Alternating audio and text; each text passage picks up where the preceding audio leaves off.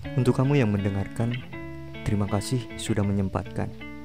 Selamat datang di Suaramu Podcast. Ini tentang bagaimana suara berpadu rasa. Kamu cukup mendengarkan karena ini hanya suara. Selamat malam untuk kamu yang mendengarkan di malam hari dan selamat beraktivitas untuk kamu yang mendengarkan sambil menjalankan rutinitas. Sebulan lebih suaramu podcast nemenin kamu yang setia mendengarkan masih ingat upload pertama itu kalau tidak salah di bulan Oktober dan sekarang udah bulan November. Bagi kamu yang belum mendengarkan episode-episode Suaramu Podcast, sekarang kamu bisa dengar juga via Anchor dan Spotify. Nah, di situ cari aja Suaramu Podcast. Atau mungkin gue nanti share linknya di deskripsi biar nanti langsung klik dan selamat mendengarkan. Dan untuk kamu yang mendengarkan via channel YouTube, Jangan lupa bro and sis like, comment, subscribe, and share. Karena suaramu podcast ini hidup oleh kamu yang setia mendengarkan. Dan terima kasih juga untuk kamu yang udah subscribe channel ini. Oke, kalau episode kemarin gue bahas tentang kita yang sering membandingkan diri dengan orang lain. Dan ketika kamu membandingkan ketidakmampuan kamu Belum tentu hal tersebut menjadikan kamu lebih baik. Justru itu menjadikan kamu sebagai manusia yang tidak bersyukur. Hari ini gue ngerasa dan belajar bahwa menerima keadaan diri apa adanya itu sangat penting. Karena ketika kita bersyukur, itu ngerasa kita tidak punya beban lagi. Kita harus belajar mengikhlaskan, walaupun itu sulit. Tapi memang buat semua kalangan, mengikhlaskan adalah suatu hal yang sangat berat. Kenapa berat? Karena ketika kita mengikhlaskan, ada hal yang suka menggerutu di hati gitu. Misalnya, kamu atau kita kehilangan orang yang dicintai atau ditinggalin sama pacar sendiri. Emang kita bisa berucap, gak apa-apa lah ikhlasin aja. Tapi hati itu beda lagi, ya pasti kita sangat sakit ketika harus mengikhlaskan. Kadang kita tuh ngeluh gitu kok hidup gini amat? gitu. Dan kamu harus berdoa ketika kamu susah melepaskan sesuatu yang sangat kamu idamkan. Karena di dunia ini ada yang datang ada pula yang pergi.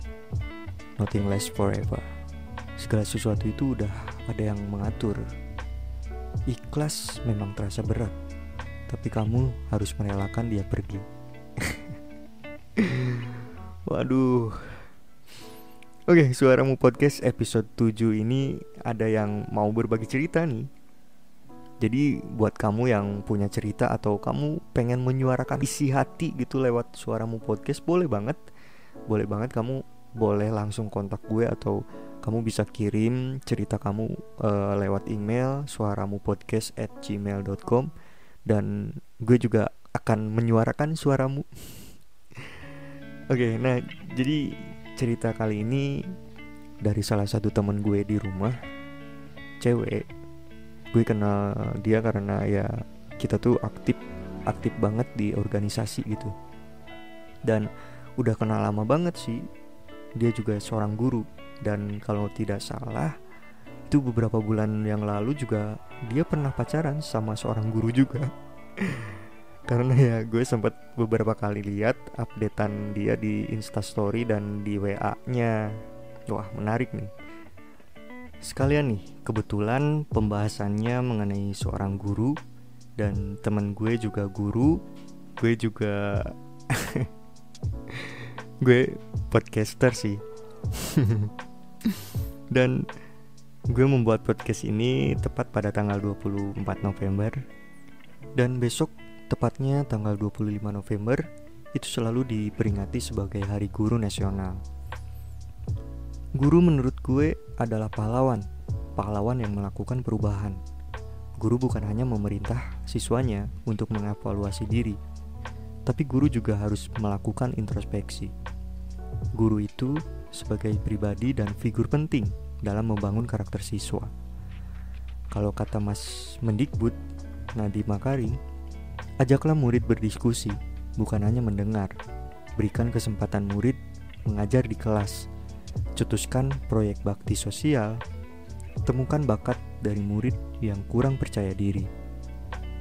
Dengan sangat rendah hati, menggunakan hati nurani, guru harus mampu mengevaluasi diri. Selain guru harus mampu menjadi panutan. Selamat Hari Guru untuk guru-guru yang sudah mencerdaskan kehidupan bangsa. Namamu akan selalu hidup dalam sanubari. Nah, kalau menurut kamu apa makna Hari Guru?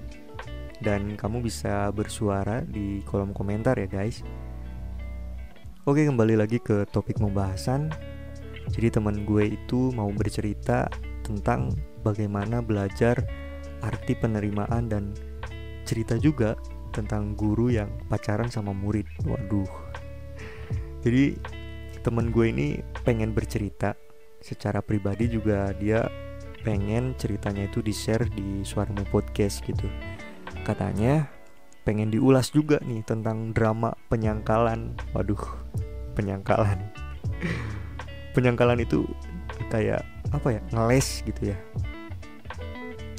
Jadi dia tuh sekarang putus guys sama pacarnya pacarnya itu ya seorang guru juga dan pacar yang sekarang jadi mantannya itu pacaran sama muridnya sendiri. Waduh.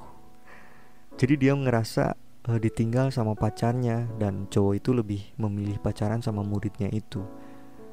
Uniknya adalah si murid ini yang pacaran sama mantannya ini nge-DM dan nanyain kenapa bisa putus.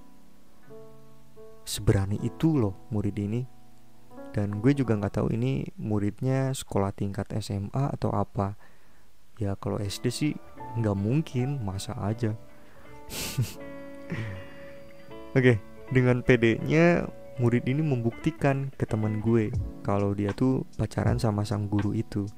Ya mungkin si murid ini nunjukin gitu nunjukin bukti kalau dia emang bener pacaran sama gurunya. Dan teman gue ini mencoba uh, mengkonfirmasi ke yang sekarang ini jadi mantan pacarnya bener nggak dia pacaran sama muridnya gitu? Tapi dia menyangkal yang les gitu dia ngeles kalau itu nggak bener. Gue nggak tahu ini nggak tahu juga uh, ini emang si cowok ini pacaran sama muridnya atau muridnya main klaim? Gue nggak tahu juga. Tapi ya menurut gue wajar juga sih kalau temen gue itu bertanya gitu ke mantannya perihal ini karena ya mungkin penasaran juga gitu bener nggak? Mantan gue pacaran gitu sama guru sama muridnya sendiri. Waduh menarik juga ini kisahnya. Oke kalau menurut kamu nih wajar nggak sih seorang guru berpacaran sama muridnya sendiri? Ya yang mungkin di sini usianya itu terpaut jauh gue lihat uh, di internet ternyata banyak juga guru yang pacaran sama murid dan berujung ke jenjang pernikahan gitu.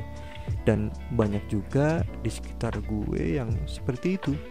Contohnya kakak dari temen gue itu uh, nikah sama muridnya. Dan muridnya itu anak didik gue waktu semasa PKL di salah satu sekolah gitu. Kembali lagi yang bikin nyesek teman gue yang gue ceritain itu yang mungkin gini. Jadi mantannya itu pacaran sama murid yang usianya 7 tahun lebih muda dan parahnya adalah mereka deket ketika temen gue dan mantannya itu masih jadian. Waduh nyesek sih.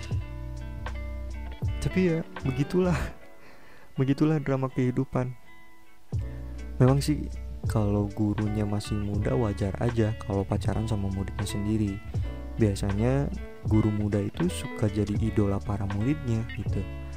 Gue juga jadi inget kisah waktu zaman SMK jadi ada guru muda juga yang diidolakan sama siswi-siswi. Kalau yang seangkatan sama gue mungkin tahu namanya Pak Sarip. Memang beliau itu ya masih muda gitu masih fresh graduate lah dan dia terbuka sama semua muridnya. Dia juga sering dipuji sama murid cewek. Sering diperbincangkan gitu, sering digosipin. Mulai dari gaya berpakaian, gaya rambut, dan gaya mengajarnya juga memang asik sih. terus gak kalah nih cowok juga uh, punya guru idola namanya Ibu Dini Ibu Dini ini adalah guru bahasa Jepang dulu dia juga masih muda dan suka disengin juga gitu sama kita kita nih sebagai murid cowok.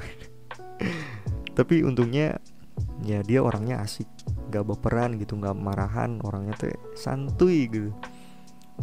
Dan melihat dari kasus mantan temen gue yang pacaran sama muridnya mungkin menurut sudut pandang gue sih ya sah-sah aja selagi itu merujuk ke hal yang positif. Tapi ya kalau terpaut umurnya sangat jauh ya itu mah mungkin udah pilihan. Mungkin karena memang guru itu masih muda kalau gurunya udah sepuh ya nggak mungkin juga gitu si murid tersebut mau pacaran gitu. Ya mungkin canggung atau segan gitu kalau misalkan pacaran sama guru yang udah sepuh.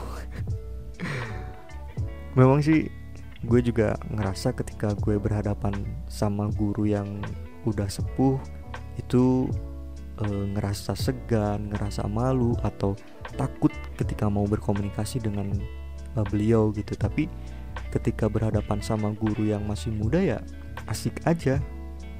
Ya, tapi tetap sih ngejaga tata krama sama sopan santun gitu.